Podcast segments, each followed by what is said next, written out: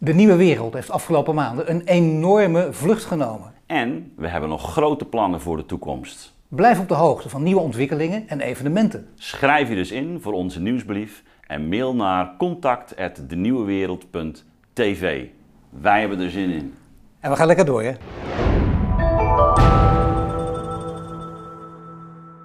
Welkom bij de Nieuwe Wereld. Mijn naam is Marlies Dekkers en mijn gast vandaag is Daan Hak.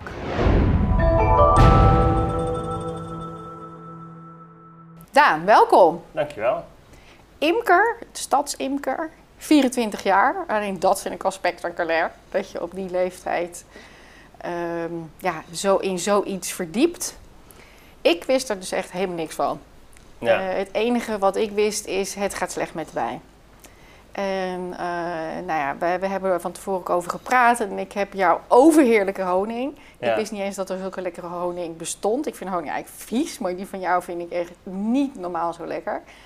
Dus laten we, eh, laten we vandaag gewoon eens de diepte induiken om meerdere mensen een beetje op de hoogte te brengen van wat is dat nou met die bij die zo ontzettend belangrijk is, ja.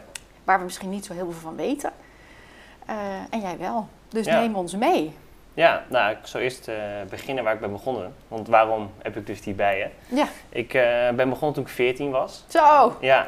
Toen Dus je doet ik, het al eh, tien jaar. Ja, ik doe het nu eh, bijna 10 jaar. Ik heb in 2011 begon ik met de basiscursus. Daarvoor was ik begonnen met bijen.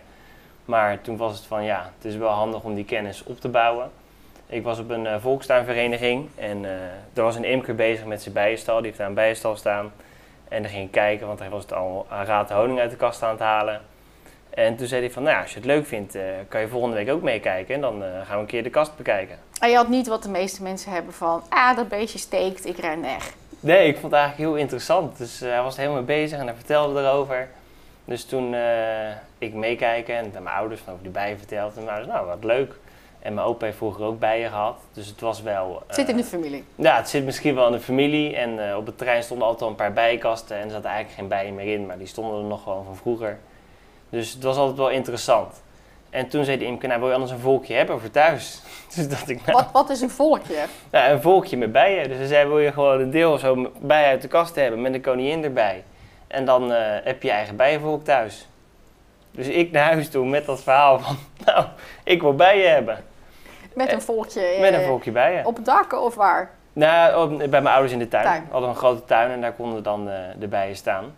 Dus mijn ouders vonden dat eigenlijk wel eh, prima, zolang ik er maar voor zorgde. Dus toen eh, moest ik op een cursus. En toen heb ik in Rotterdam bij de Ambrosius Schilde heb ik de basiscursus bijenhouden gedaan. En toen begon het eigenlijk allemaal.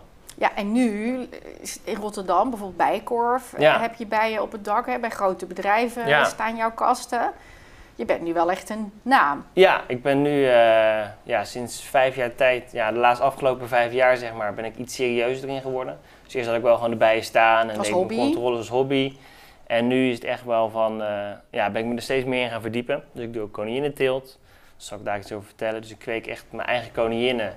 Het is een speciale ras bij is dat. Net zoals je met honden hebt, heb je net als met bijen, heb je dus verschillende soorten rassen. En dat ras dat wordt geselecteerd op zachtaardigheid. En is dus eigenlijk ook de ideale stadsbij. Ja, want dat vind ik nog een heel interessant gegeven. Dus Ja, dat, dat, dat bijen in de stad, ik zou juist denken, die moeten op het platteland. ja. Nou, eh, bijen in de stad doen het eigenlijk hartstikke goed. Eigenlijk al mijn bijenvolken, die zijn, ja, daar gaat echt super mee. Ze hebben genoeg voer halen ze, dus ze halen genoeg nectar. Ze halen heel verschillende soorten stuifmeel. Dat zijn zeg maar, ja, de pollen noemen we dat bij de bijen. En dat eten ze weer. En dat zijn allemaal verschillende kleuren. Dus als je in de raten kijkt, zitten allemaal verschillende kleuren stuifmeel. Dus ze hebben verschillende soorten bloemen die ze bevruchten voor die stuifmeel te verzamelen. Maar waarom hebben we er genoeg in de stad? Hebben we zoveel mensen stadstuintjes? Ja, in de, in de stad is het dus. Het mooie is dat wij als mensen graag bloemen willen hebben. Dus wij willen graag altijd bloemen zien. En dat is eigenlijk voor de insecten is dat dus perfect. Dus de gemeente in Rotterdam heeft nu een meibeleid aangepast. Dus overal hebben we nu wilde bermen met koolzaad in het voorjaar en madeliefjes in de zomer. Dus er zijn heel veel verschillende soorten bloemen en dat laten ze uitbloeien en daarna maaien ze het pas. Wat voor ons dus een mooi gezicht is. Dus er zijn heel veel bloemen.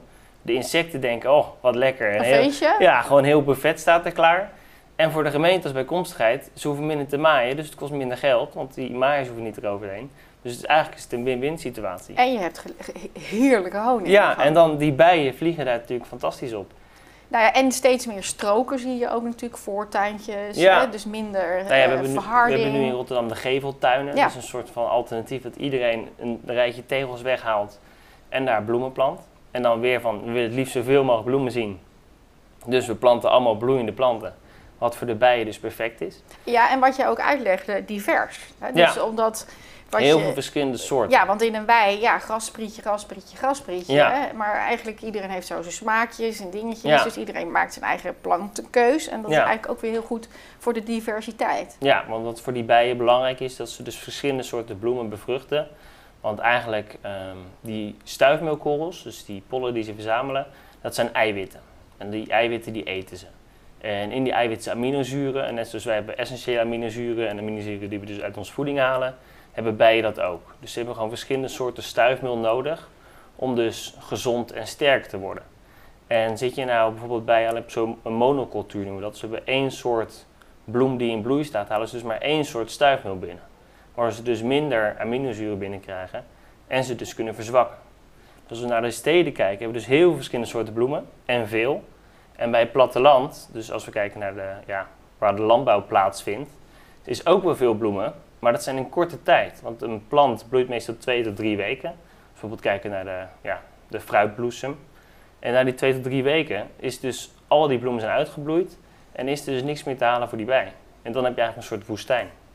Dus dan is het in de stad, daar is ook qua bloei meer divers. Ja, en dat is denk ik... Door de gemeente aangelegd ook. Ja, als we kijken naar alle bomenaanplantingen in de stad, dus dan staan er lindenbomen, er staan acaciabomen, er staan hazelaars, er staan van die Japanse kersen. En die bloeien natuurlijk allemaal andere momenten, want dat is mooi. Dus we hebben eerst die kersenbloesem die in bloei komt. In de zomer in Rotterdam hebben we de lindenbloesem die heerlijk ruikt. En dat vinden mensen ook mooi, maar de insecten dus vinden dat ook hartstikke fijn. En vooral die bijen, want die vliegen daar graag op.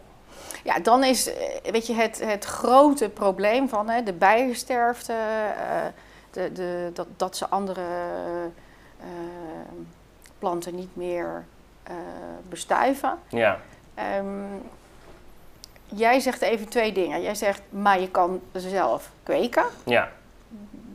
Lost dat iets op?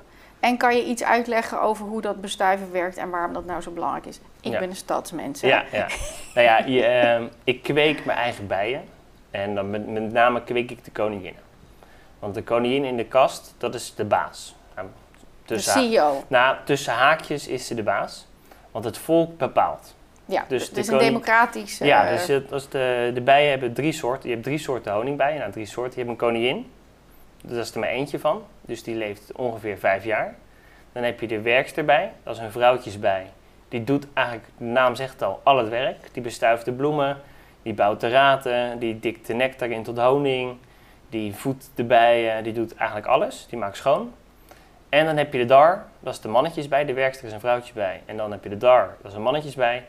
En die heeft een heerlijk leventje. Want die kan eigenlijk niks. die eet het- gewoon. Ja, die wordt gevoerd. lekker. Die kan ook niet zelf eten. en het enige wat die doet, is die zorgt voor de bevruchting. Oké. Dus de koningin die gaat als ze geboren wordt één keer op bruidsvlucht. Nou, meerdere keren maakt ze op bruidsvlucht. En dan is ze bevrucht voor de rest van haar leven. Dus ze maakt meerdere tochten. Dan paart ze met mannetjes. En dan komt ze terug. En voor de rest blijft ze in de kast om die eitjes te leggen.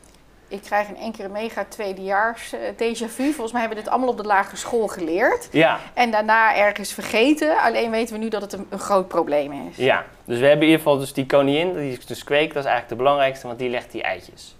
Maar de koningin bepaalt dus ook hoe lief, of ik noem het altijd lief, het volk is.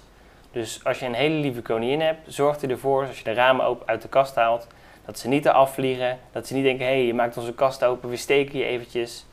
Die bepaalt of er hard gewerkt wordt, of er genoeg honing gehaald wordt. En dat ligt aan het ras of is er een karakter? Ehm, ja, het is het ras en de selectie. Dus het is net zoals wij. eh, ja, dus we hebben een ras wat ik kweek, is de bukvast bij. Dat is zeg maar een gekweekt ras van verschillende soorten ondersoorten. Dus je hebt de Apis mellifera, dat is de Latijnse naam voor de echte bij, zeg maar. En daar heb je allemaal ondersoorten in. Dus je hebt een Italiaanse bij, dat is de Ligustra. Je hebt de Carnica. Je hebt dan de zwarte bij. En dat zijn allemaal verschillende ondersoorten. En de bukvast is een gekruist, een gekruiste honingbijenras uit die ondersoorten. Wel gekruist door de mens. Ja, gekruist door de mens. In, door broeder Abraham in de Bukvastabdij, dat was een monnik. En die is daarmee begonnen. En nu wordt het door andere imkers die dus die bijen houden en daarmee telen, wordt dat voortgezet. En dan kun je dus zelf selecteren op zachtaardigheid. Dus ik heb eh 10 selectiekasten. En die hebben dus allemaal een bukvast koningin erin zitten. En dan hou ik dus een statistiek erbij. Hoe vaak steken ze? Hoeveel honing halen ze? Zitten ze goed op de raten? En dan krijgen ze elke, bij elke controle een nummer en een cijfer voor. En aan het eind van het jaar weet ik, oké, nou deze springt hier echt op uit. Ik wil met deze koningin, ga ik verder kweken. Dat is een fijne. Ja, dat is een Niet fijne. agressief. En dan ga je daar weer het jaar daarna heb je weer kasten opzetten. En dan ga je weer, en op die manier ga je dus steeds verder selecteren. Wat vind jij nou zelf het ideale bij? Klinkt heel gezellig, zeg maar, maar is het ook, lost het ook mee het probleem op waar we blijkbaar als, ja, als, als, als mens, als natuur, als aarde mee zitten? Dat dus Ja. veel te weinig Nee, het, bijen zijn. het lost dus niet het probleem op. Want dat kweken, dat gaat alleen maar goed als die volkjes dus genoeg stuifmeel kunnen halen. Als ze genoeg nectar kunnen halen. Want ze moeten wel groeien. En het probleem wat we hebben zit eigenlijk op twee dingen. Het is niet alleen die honingbij die wij dus als mens kweken. Want wij kweken als mens de honingbij en houden die ook in de kasten. Dus daarvoor zorgen we ervoor, want die halen honing voor ons. En die kunnen overwinteren, dus die blijven in die kast. Dus daar kan je echt iets mee doen. Maar het is ook de solitaire bij. En dat is een ander soort insect. In Nederland hebben we iets van rond de 350 soorten. En die leven alleen. Dus dat is één solitaire bij. Die vliegt op een bepaalde bloem.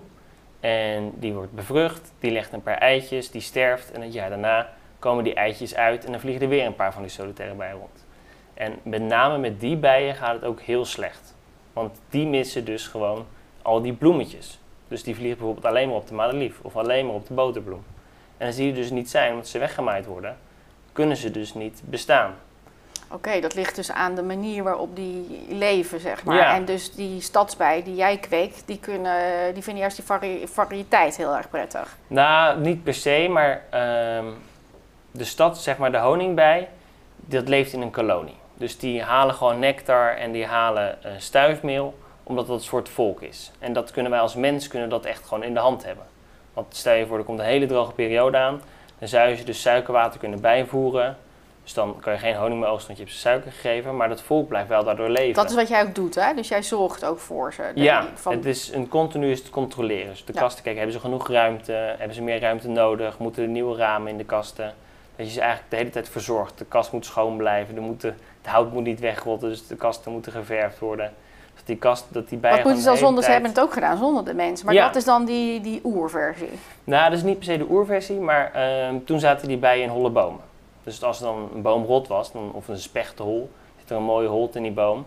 En dan zorgen die bijen voor zichzelf. Alleen wat er dan gebeurt is, het bijennest vormt zich erin, dat splitst zich weer af, want dat is het voortbestaan van de bij. Dus dan gaat er een deel van het volk vliegt weg, dat gaat weer naar een nieuwe plek. En zo krijg je dus ook dat het volk zichzelf beheerst. Ja. Alleen wij willen dus die bijen in die kast houden. Dus dat is natuurlijk het onnatuurlijke principe. En je wil ook niet dat die bijen wegvliegen. Want dan hebben je buren overlast. Want als er in één keer zo'n bal met bijen in je tuin gaat hangen, ze doen niks. Maar als er opeens toch 20.000 tot 30.000 bijen in je tuin hangen, zijn de meeste mensen er niet blij mee. Nee, zeker niet. Dus wat je doet, je zorgt ervoor dat ze genoeg ruimte hebben. En dan vinden die bijen het prima. Oh, we hebben weer ruimte in de kast erbij gekregen. Dus dan gaan ze weer lekker bouwen. We hoeven voorlopig nog niet weg, denken ze dan. Dus ze kunnen dan beter samenleven, zeg maar, Ja. op die manier. Dus die honingbijen, dat komt wel goed, denk ik. Want dat als imkers zorgen ervoor dat die blijven bestaan. En met die solitaire bijen, daar, ehm, wat we daarvoor moeten doen, is dus bloemen zaaien. En dus, dus niet alleen voor de honingbijen, maar ook voor die solitaire bij. En bijvoorbeeld nestplaatsen ophangen. Want ook die solitaire bij mist dus van die gelegenheden om zich voor te planten. Dus je kan al bij verschillende bouwmarkten en tuincentrum kan je van die insectenhotelletjes kopen. Met van die rietstengeltjes. Nou, je hebt dus bijvoorbeeld de behangers-bij. de Die heet de behanger- behangersbij, omdat hij dus al die rietstengeltjes behangt. Dus hij bijt gaartjes uit bladeren, dan behangt hij zo'n rietstengeltje mee en dan legt hij daar zijn eitjes in. En met een beetje stuifmeel en een beetje nectar. En het komt na een jaar uit. Nou, je hebt de metsel bij, de naam zegt het al, die metselt kamertjes in die rietstengeltjes. En die zorgt ervoor dat het ook na een jaar uitkomt. Maar die zitten dus in stengels, maar je hebt ze ook die graag in het zand zitten. Je hebt ze die in de klei zitten. Dus al die verschillende nestmogelijkheden die verdwijnen ook. Want wat wij mooi vinden, nou ja, niet wij, maar sommige mensen, is een tegeltuin. Geen onderhoud, tegels strak tegen elkaar. Nou, geen enkel insect kan maar tussen die tegels gaan zitten. Oh, eventjes. Want kijk, ik lees, ik, ik, gewoon omdat ik geïnteresseerd daarin ben, ik lees best vaak van het gaat niet goed met de bij. Nogmaals, als totaal niet deskundige. Ja. Maar wat ik daar dan vaak van, we weten het niet waarom het niet goed gaat met Ja. de bij. Nou, als ik jou zo hoor, dan weten we het dus best wel. hè? We hebben dus niet genoeg planten en ze, en ze Ja. hebben niet genoeg plek. En wat meestal eh, aangekaart wordt, is waarschijnlijk ligt het toch aan te veel pesticiden. Ja, ja dat is ook eh, een oorzaak.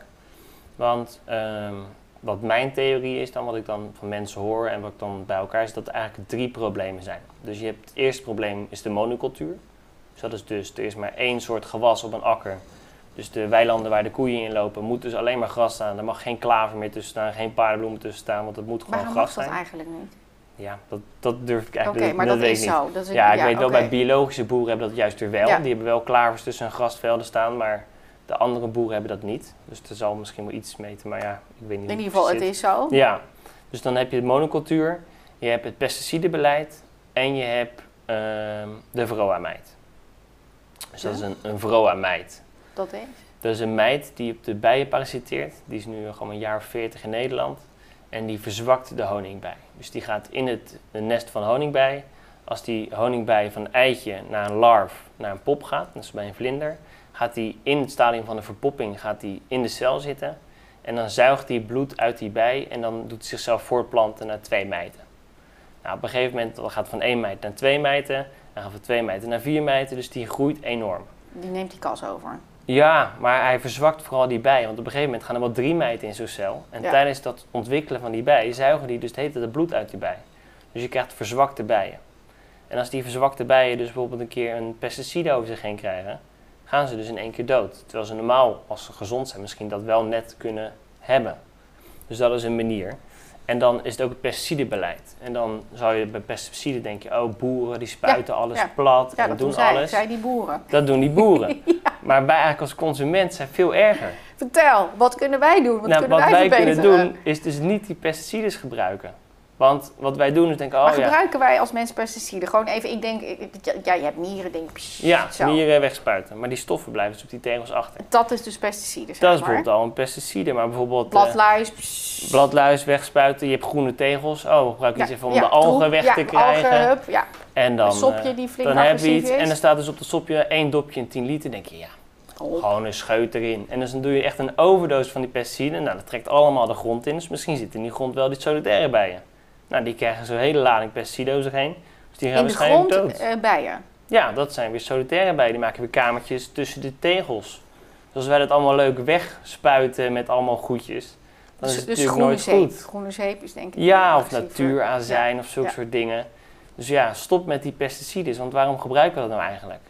Voor Ja, die omdat ene we vinden dat het te veel voor die ene hebben, roos of- die we hebben of die paar mieren, dat het natuurlijk allemaal een functie heeft. En ik denk dat pesticiden dus wel echt een belangrijke rol spelen bij het sterven van die bij. Want die bij, die vliegt ook op die bloem. Dus zijn die pesticiden bij de wortels gekomen van die plant, zuigt die plant die pesticiden weer op. En dan wordt eigenlijk dat stuifmeel, waar die, plant, waar die bij op zit, dat raakt eigenlijk besmet. Dus die brengt stuifmeel met pesticiden erin mee naar het volk en dat wordt weer gevoed aan de volgende bijen. Ja, en zo verzwakken we Ja, en zo verzwakken we dus ook die kolonie. ja, de, de hele keten eigenlijk. Dus niet meer doen. Niet meer doen. Ik zou zeggen, ja, stop met die pesticiden. Ja, dus ook wij als het stadstuin eh, Ja. eh, zijn daders daarin. Ja, Dus eh, we kunnen, en wat jij zegt, veel tegels. Dus wat we ook aan kunnen verbeteren is dus tegels eruit, meer tegels planten eruit, zetten. een mooie plantenmix of andere bloeiende planten. En dat, dat helpt dus enorm. En plant zo een bijenhotel. Noemen ze dat die insectenhotel, dat er verschillende insecten in gaan zitten. Zijn er ook mensen echt geïnteresseerd in om dat te doen? Wat, dat, Ja, ik denk dat heel veel mensen nu ook juist doen. Omdat juist dus, om iets bij te Ja, dragen. omdat er nu dus zoveel ook in het nieuws is. En wil je dus iets bijdragen, dan helpt het dus al met een paar planten. Nou ja, ik merk het dus ook in mijn familie. Diegene, eh, die ken jij ook, mijn neefje. Ja, Dus ook jonge kinderen zijn er heel erg door gefascineerd en, en willen daar ook mee leren. Dus niet Ja. alleen maar op school zoiets abstract, maar ook echt dat je het op je dak hebt of in je tuin hebt. Ja, en ik denk dus dat voorlichting eigenlijk ook hartstikke belangrijk is. Dus heb heel vaak mensen die bij me langskomen en zeggen, nou kom maar meekijken. En dan heb ik een extra pak en dan zeg ik, nou dan doen we de kasten open. En dan leg je gewoon alles uit. En ik denk als je mensen een voorlichting erover geeft van, kijk, je kan die pesticides wel strooien, maar daar dood je wel deze insecten mee. Ja. En voor de meeste mensen, alles wat vliegt en geel eruit ziet, dat is een wesp en dat steekt. Of het maakt niet uit of het nou een hommel is, een solitaire bij, een honingbij, een wesp. Ja. Alles steekt en moet dood. En ik denk als we daar al in veranderen, Andere, ja. ook het nut van de wespen, want wespen, oh wespen, wat zijn die vervelend. Nou, ik Maar- heb dus een wespennest. Ja. Dus ik vroeg ook aan jou, wat moet ik daar nou mee doen? Nou, toen had jij wel een indrukwekkend verhaal van het zijn vleeseters. Ja, En hoeveel muggen eten ze per week? nou mij is verteld dat zo'n wespennest 100 100.000 muggen per week eet. Dus je kan ook denken, super fijn die wespen, want als ze die vooral bij mijn raam zitten, vangen ze al die muggen bij mij in de buurt. Ja. Want wespen zijn dus vleeseters, die geven hun larven geven ze vlees, eiwitten te eten. En dan scheiden die larven een glucosedruppel af als beloning dat ze dat vlees gebracht hebben. Ja. Nou, we hebben heel het jaar lang geen last van wespen, tot de maand augustus begint. En dan is het opeens, wat een vervelende beesten, wat zijn er te veel. En dat komt dan omdat het broednest stopt, dus er zijn geen larven meer. Die wespen krijgen niet meer die glucosedruppel. En dat is eigenlijk hun soort drugs. Want dat hebben ze, ze willen gewoon, daar werken ze voor. En daarom gaan ze bij ons op zoek dus Naar, naar die- die, limonade druppel, ja. en dat suiker en alles Ja. wat zoet is. Ja. Terwijl als je misschien een keer in het buitenland op vakantie bent in Italië, dan heb je eerder last dat die wespen op je broodje ham zitten, dan dat ze op je drinken afkomen. Omdat het vleeseters zijn. Omdat het vleeseters zijn. Ja. En wij gewoon eigenlijk meer, meer zoet eten, bedoel je Ja. dat? Nou ja, omdat ze daar gewoon, als je daar bent, dan hebben ze langer dat nest, want het is meestal warmer als we dan naar Oh, Italië op die gaan. manier. Dus dan blijft het nest, nest langer, Ja. in stand en dan Ja. komen ze dus op ons vlees af Ja. in plaats van de zoetigheid.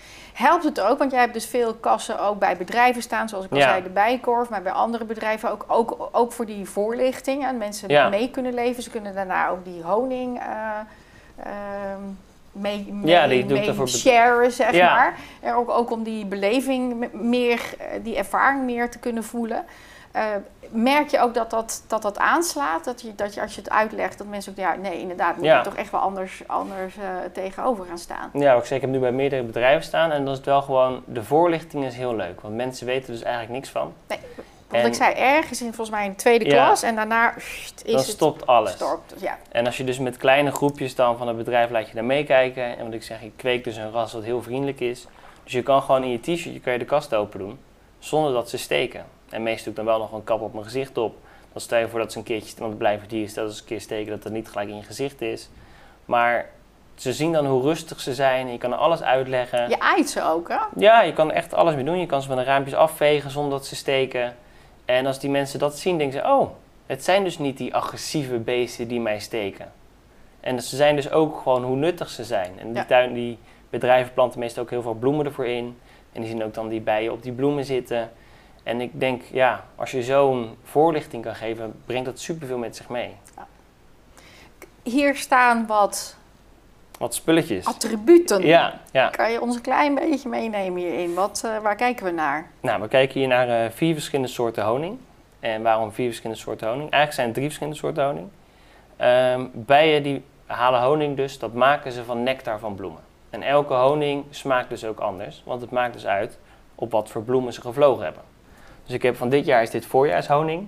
Dus dat is een iets donkere honing. En dat komt dus ook weer omdat het iets droger was. Dan hebben ze een keer op andere bloemen gevlogen dan het jaar daarvoor. Want het jaar daarvoor was die heel erg licht. Het is als wijn. Ja, elke keer heb je dus een andere batch. Je kan het zien als wijn, ja. Ja.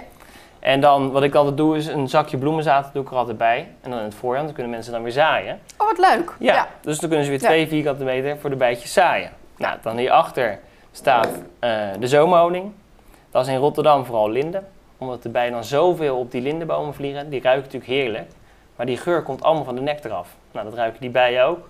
Dus ze vliegen massaal op die lindenbomen.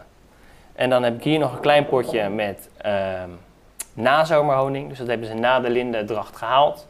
En dat zijn dus weer de andere bomen en bloemen die in bloei staan. En hier staat een hele witte. En dat is crèmehoning. Wat is nou eigenlijk honing? Honing is dus de nectar die de bijen uit de bloem hebben gehaald.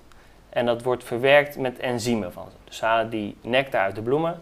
Dan komt het in een honingmaag terecht. Daar worden enzymen toegevoegd. Dan gaan ze naar de kast. Dan geven ze dat door aan de andere bij. Dan komt hij weer in zijn maag terecht. Weer enzymen toegevoegd. En dan voordat hij, loopt hij bij een stukje omhoog in de kast. Geeft het weer aan de andere bij. En dan komt het weer in zijn maag met Dus eigenlijk loopt het iedere keer door het systeem Ja. van de wijn. En dan komen die dus- soort spuugt het uit. En die spuugt uit in de andere bij.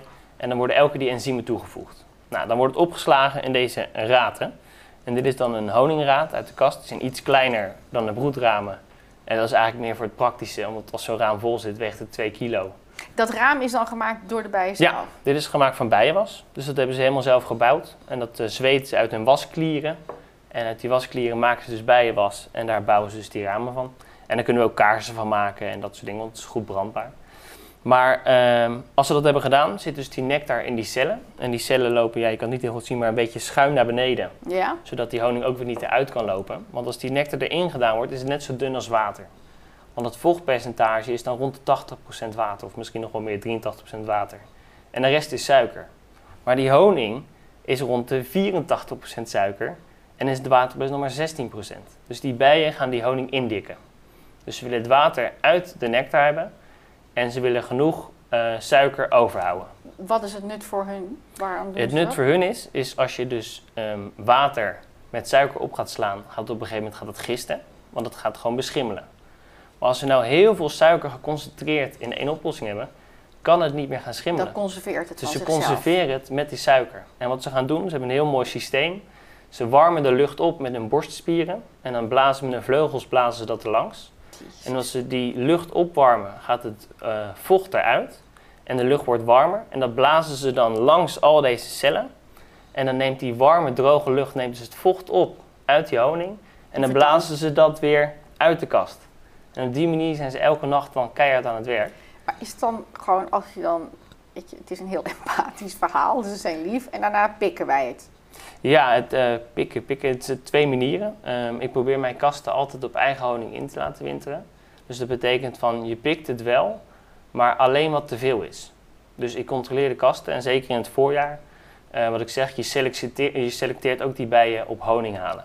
Dus ze halen gewoon te veel honing voor zichzelf. En dat komt ook omdat we ook niet meer die bijen laten wegvliegen. Dus normaal vliegt zo'n heel deel van het volk met hebben ze 20, dat nodig. 30.000 bijen weg. Die zuigen heel een maag vol met honing. Dus die nemen een heel deel mee om dus die nieuwe Ja. kolonie te stichten. Nou, dat voorkom je dus. Dus er blijft al een overschot van honing over. Dus dat kan je uit de kasten halen. En ik stop eigenlijk al een beetje, eh, meestal half juli, stop ik dan met eh, honing uit de kast te halen. En dan, dan halen ze nog heel veel in Rotterdam.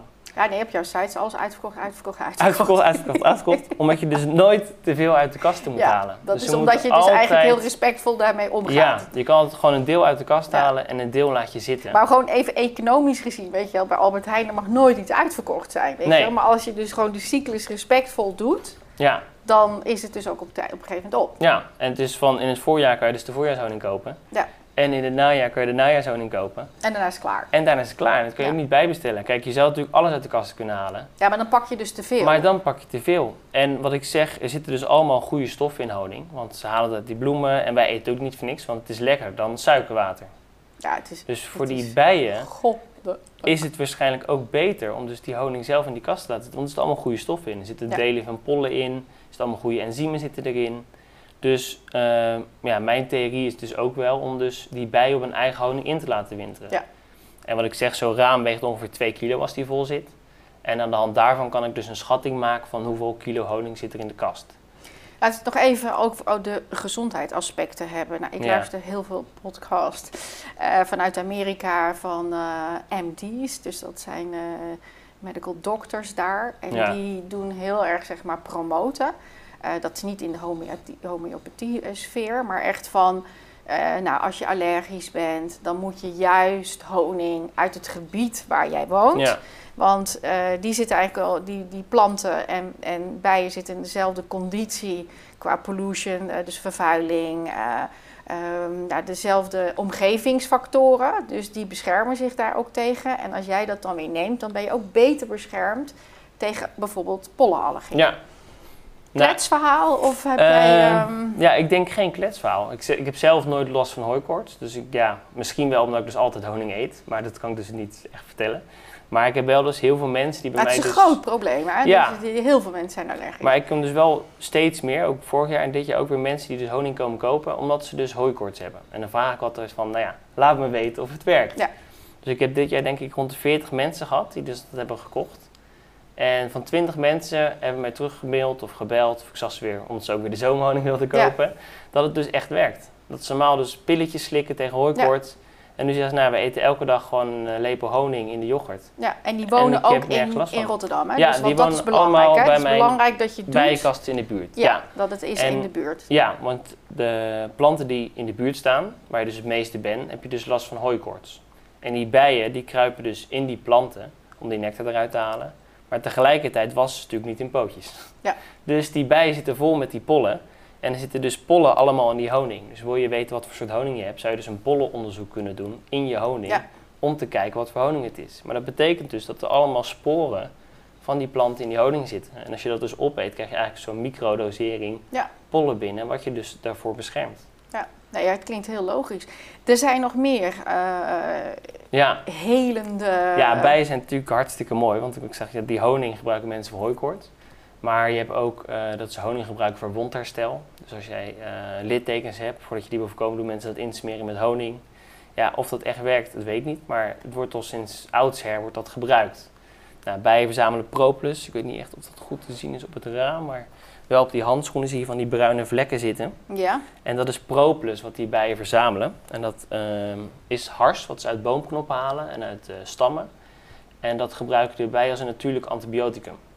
En dat is heel erg kleverig. Dus dat doen ze alle cellen. Dan, als ze een broedraam hebben, wordt die helemaal bruin. Dat ze alle cellen ermee insmeren. En daar ontsmetten ze dus ook de kast weer mee. En al, elk kiertje wat ze hebben, doen ze dicht smeren. En dat wordt in de winter keihard. Dus dan hebben ze een mooie soort kit die ze dan gebruiken. En dat wordt ook heel veel gebruikt. Want die propolis heeft dus allemaal heelzame stof. Want die bijen gebruiken het ook als een antibioticum voor in de kast. Dus om alles steriel te maken. En mensen eten gebruiken dat ook als supplement. Dus dan nemen ze dus opgeloste propolis in hun voeding. En dat schijnt ook helend te werken. jij maakt dat nu ook, hè, Ja. begrijp ik? Dat, Ja. dat maak je dan vloeibaar weer? Of hoe? Ja, de- je lost het eigenlijk op in pure alcohol. Dus de propolis die ze hebben, daar, eh, ja, die los je eigenlijk op in alcohol. En dan kan je die eh alcoholdruppels waar die propolis in zit, kan je dus eten als supplement. En ik begreep dat vooral de, de Turkse gemeenschap daar, dat, dat Ja. die daar die kennis echt al hebben ja, en dat nou, echt gebruiken. Die, die vertrouwen nog veel meer op de natuur, Ja. ik altijd het idee. Ook als ik met hun spreek, die eten ook meestal de honing met raad. Omdat ze dus ook die bijenwas willen eten met die Heel honing helend erin. ook blijkbaar. Ja, en die zijn gewoon nog veel meer daarin thuis, hoe dat nou allemaal werkt. En, we hebben eh, natuurlijk een grote Turkse gemeenschap in. Rotterdam. Dus ik heb nu meerdere Turkse mensen gehad die dat dus ook kopen tegen maagsferen. Die hadden een maagsfeer, dan moeten ze dus propolis eten. En voor wondjes in de mond. En ja, zelf eh, gebruik ik het nu ook. En dat is dan meer gewoon een supplement, want het is gezond. Ja. Maar er zijn dus echt mensen die het dus kopen omdat ze dus iets hebben en dit heelzaam daartegen werkt. En eh, Erasmus is er ook onderzoek naar aan het doen. Ja. begrepen Ja, ik- dat heb ik gehoord. Dat hun dus nu ook onderzoek doen naar propolis. En dat als een alternatief antibioticum. Omdat je dus geen... eh, ja, je wordt er niet resistent tegen. Ja, wat we nu allemaal aan het worden Ja, zijn. omdat we dus overal antibioticum in doen. Ja, terug naar de, terug terug naar de naar de natuur. natuur. Ja. Nou, even afsluitend, eh, want we zijn al helaas bijna door de tijd weer heen. Ehm, hoe maak je bijvoorbeeld deze heerlijke crème Ja. Nou, Want ik- begrijp dat dat ook heel arbeidsintensief is. Hè? ja het, eh, het kan arbeidsintensief. Tegenwoordig heb ik nu een machine ervoor gekocht die het voor me doet. Maar, Maar eh, eerst deed je het gewoon. Eerst deed ik het altijd zelf roeren. Want honing versuikert. En je kan het eigenlijk bij deze honing eigenlijk wel een beetje zien. Hier onderin is die doffig. Ja. En dat is eigenlijk een suikerlaag. En hierbovenin is die nog vloeibaar. Want op een gegeven moment gaat dus dat honing gaat dat versuikeren. Dus er komt kristalvorming in. En op een gegeven moment is je pot dus keihard. Dan heb je een hele grote pot met versuikerde honing. Nou, dat proces maak je eigenlijk gebruik van, van crème honing, want zo noem je dat. Wat je gaat doen, is die suikerkristallen die zich gaan vormen, die maak je kapot. Dus een grote suikermolecuul sla je tot een klein suikerkristal. Dus er komt nog steeds versuikerd die. Alleen die suikerkristallen worden klein in plaats van groot. En op een gegeven moment is die honing verzadigd van kristallen. Dus deze pot die zou helemaal keihard worden. En is die gewoon helemaal verzadigd van kristallen. En deze pot blijft altijd vloeibaar. En het komt dus, hij is nog steeds verzadigd van kristallen maar omdat al die kristallen hartstikke klein zijn, blijft hij dus smeerbaar en vloeibaar. En daardoor krijg je ook een beetje, een beetje meer een romerige smaak, vind ik eraan. Want er zit dus gewoon, de structuur wordt anders. En als je een andere structuur hebt, dan smaakt het automatisch ook eigenlijk weer anders. En het mooie daarvan is, ik vind, zelf eet ik ze allebei. Dit eet ik eigenlijk altijd brood. Omdat crème honing kan je dus smeren, net zoals chocopasta. En Ja. het trekt niet in je brood. En vloeibare honing is weer hartstikke makkelijk om in je yoghurt te doen. Maar eventjes, ik vind dat je het nu iets te snel vertelt. Want ik bedoel, dat is Ja. ieder uur of zo moet je draaien. Dat nou, is ik een- heb er nu dus een machine voor. En dan krijg je dus ook de mooiste crème honing. Want het kristallisatieproces ehm, gebeurt dus steeds meer. Dus er komen steeds meer kristallen in. Want op elk kristal hecht zich weer een nieuw kristal. En wat die machine doet, is dat die eh 48 uur lang... gaat hij elk uur een kwartier lang roeren. Dus hij roert met een hele grote RVS spaandel roert hij door die honing heen. Waar dus al die kristallen dus kapot geslagen worden. Dan rust die drie kwartier, dus dan kan die kristalgroei kan weer aanhechten. En dan roeit hij dat weer een kwartier door. En door dat proces te doen, ehm, neemt dat voor mij dus heel veel werk uit handen. Want zelf moest ik eerst elke keer met de hand moest ik al die honing gaan roeren. Held. En eh, nu doet de machine dat. Ja. En omdat het dus ook allemaal getimed is, krijg je daar dus hele fijne en eh, mooie kristalvorming van. Ja. Dus een hele lekkere crème honing. Nou, Daan, ontzettend bedankt voor dit goede verhaal. Ik denk Ja. dat het heel belangrijk is dat we dit allemaal weten en dat we respect hebben voor de natuur en daar absoluut iets aan kunnen bijdragen. Ja. ja, denk vooral aan die bloemen. Ja. Ik denk als we al stoppen met de pesticides en meer bloemen gaan zaaien, dat we dan al enorm helpen. En als mensen geïnteresseerd zijn, ja, ik wil misschien ook wel zo'n kas of iets, waar kan je dat nou? Ehm, ja, ik heb een website, Rotterdam Honing. En maar als je dan, niet in eh, Rotterdam woont, waar moet ja, je dat als je dan? niet in Rotterdam, de webshop doe ik ook versturen. Eh, en de kasten plaatsen kunnen we altijd overleggen. Ja, oké. Ja. Nou, ontzettend bedankt. Is goed, alsjeblieft.